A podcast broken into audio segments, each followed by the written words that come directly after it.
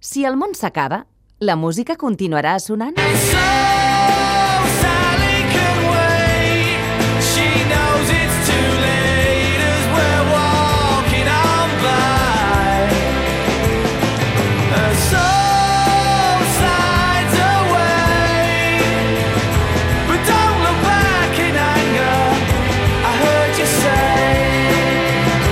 música sempre ha anat agafada de la mà dels moviments socials i polítics.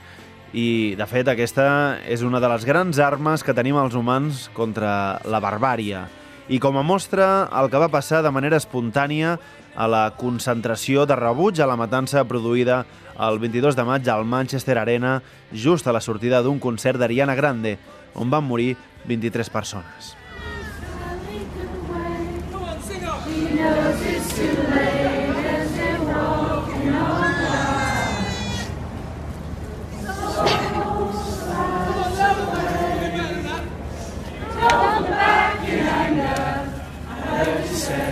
Al cap d'uns mesos es va celebrar un concert multitudinari a Old Trafford en record de les víctimes on hi van participar artistes com Coldplay, Justin Bieber, Miley Cyrus i, clar, la mateixa Ariana Grande, que tornava en aquell moment als escenaris.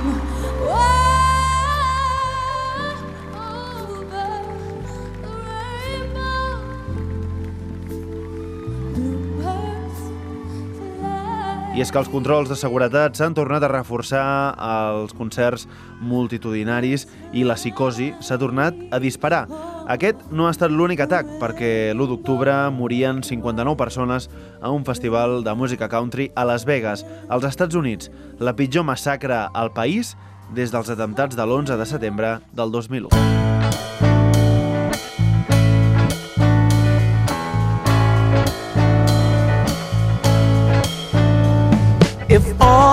Was was black,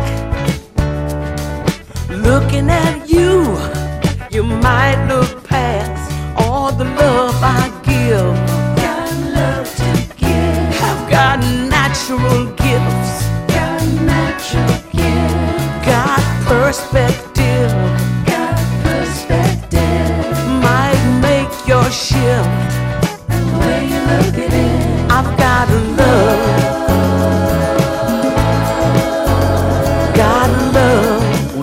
Units on els problemes racials i les diferències entre comunitats han augmentat amb Donald Trump al poder i la música, com sempre, ha estat un altaveu per plantar cara.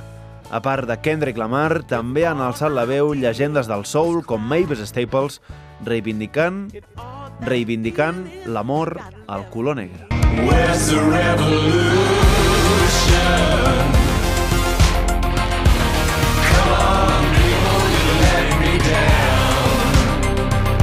Tram que fins i tot ha provocat que Depeche Mode publiquin el disc més polític de la seva carrera, amb cançons com Where is the Revolution, on es pregunten on està la revolució i deixen anar versos com tan oprimit, tan mentit, qui pren les teves decisions, tu o la teva religió, el teu govern, els teus països, els teus yonquis de la pàtria.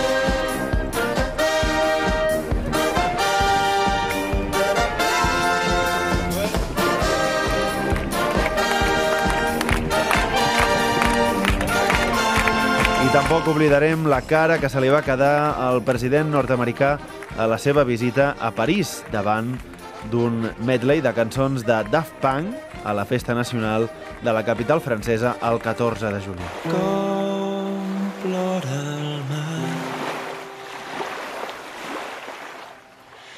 Com plora el Un 2017 on a casa nostra hem d'estar orgullosos de la capacitat de mobilitzar-nos a través de la música, ja sigui a favor de les persones refugiades, en el macroconcert del Palau Sant Jordi del febrer, El rei Borbó i les seves mogudes. No sé si era elefants o anava de putes. Són coses que no se poden explicar. O bé reivindicant la llibertat d'expressió sota el lema No callarem, amb un concert a Badalona en solidaritat amb el raper mallorquí Baltònic, un dels artistes condemnats a penes de presó aquest any només per les seves lletres. També hi ha músics que han alçat la veu davant dels fets de l'1 d'octubre, defensant la democràcia i fins i tot alguns des de fora de Catalunya, com Björk, piulant la seva cançó Declare Independence o Morrissey, a la BBC promocionant el seu nou disc i deixant anar aquestes paraules dedicades a Catalunya. We say free Catalonia from Spain. We say free the ball from Spain. Free everybody from Spain. I sobretot artistes de casa nostra que han tocat a diverses manifestacions, a concerts solidaris i als col·legis electorals en els dies previs al referèndum de l'1 d'octubre. Hola, sóc el David Caravent de Mishima i crec que el record musical de l'any per nosaltres és la gira que vam fer de manera improvisada pels col·legis electorals la vigília de, de l'1 d'octubre.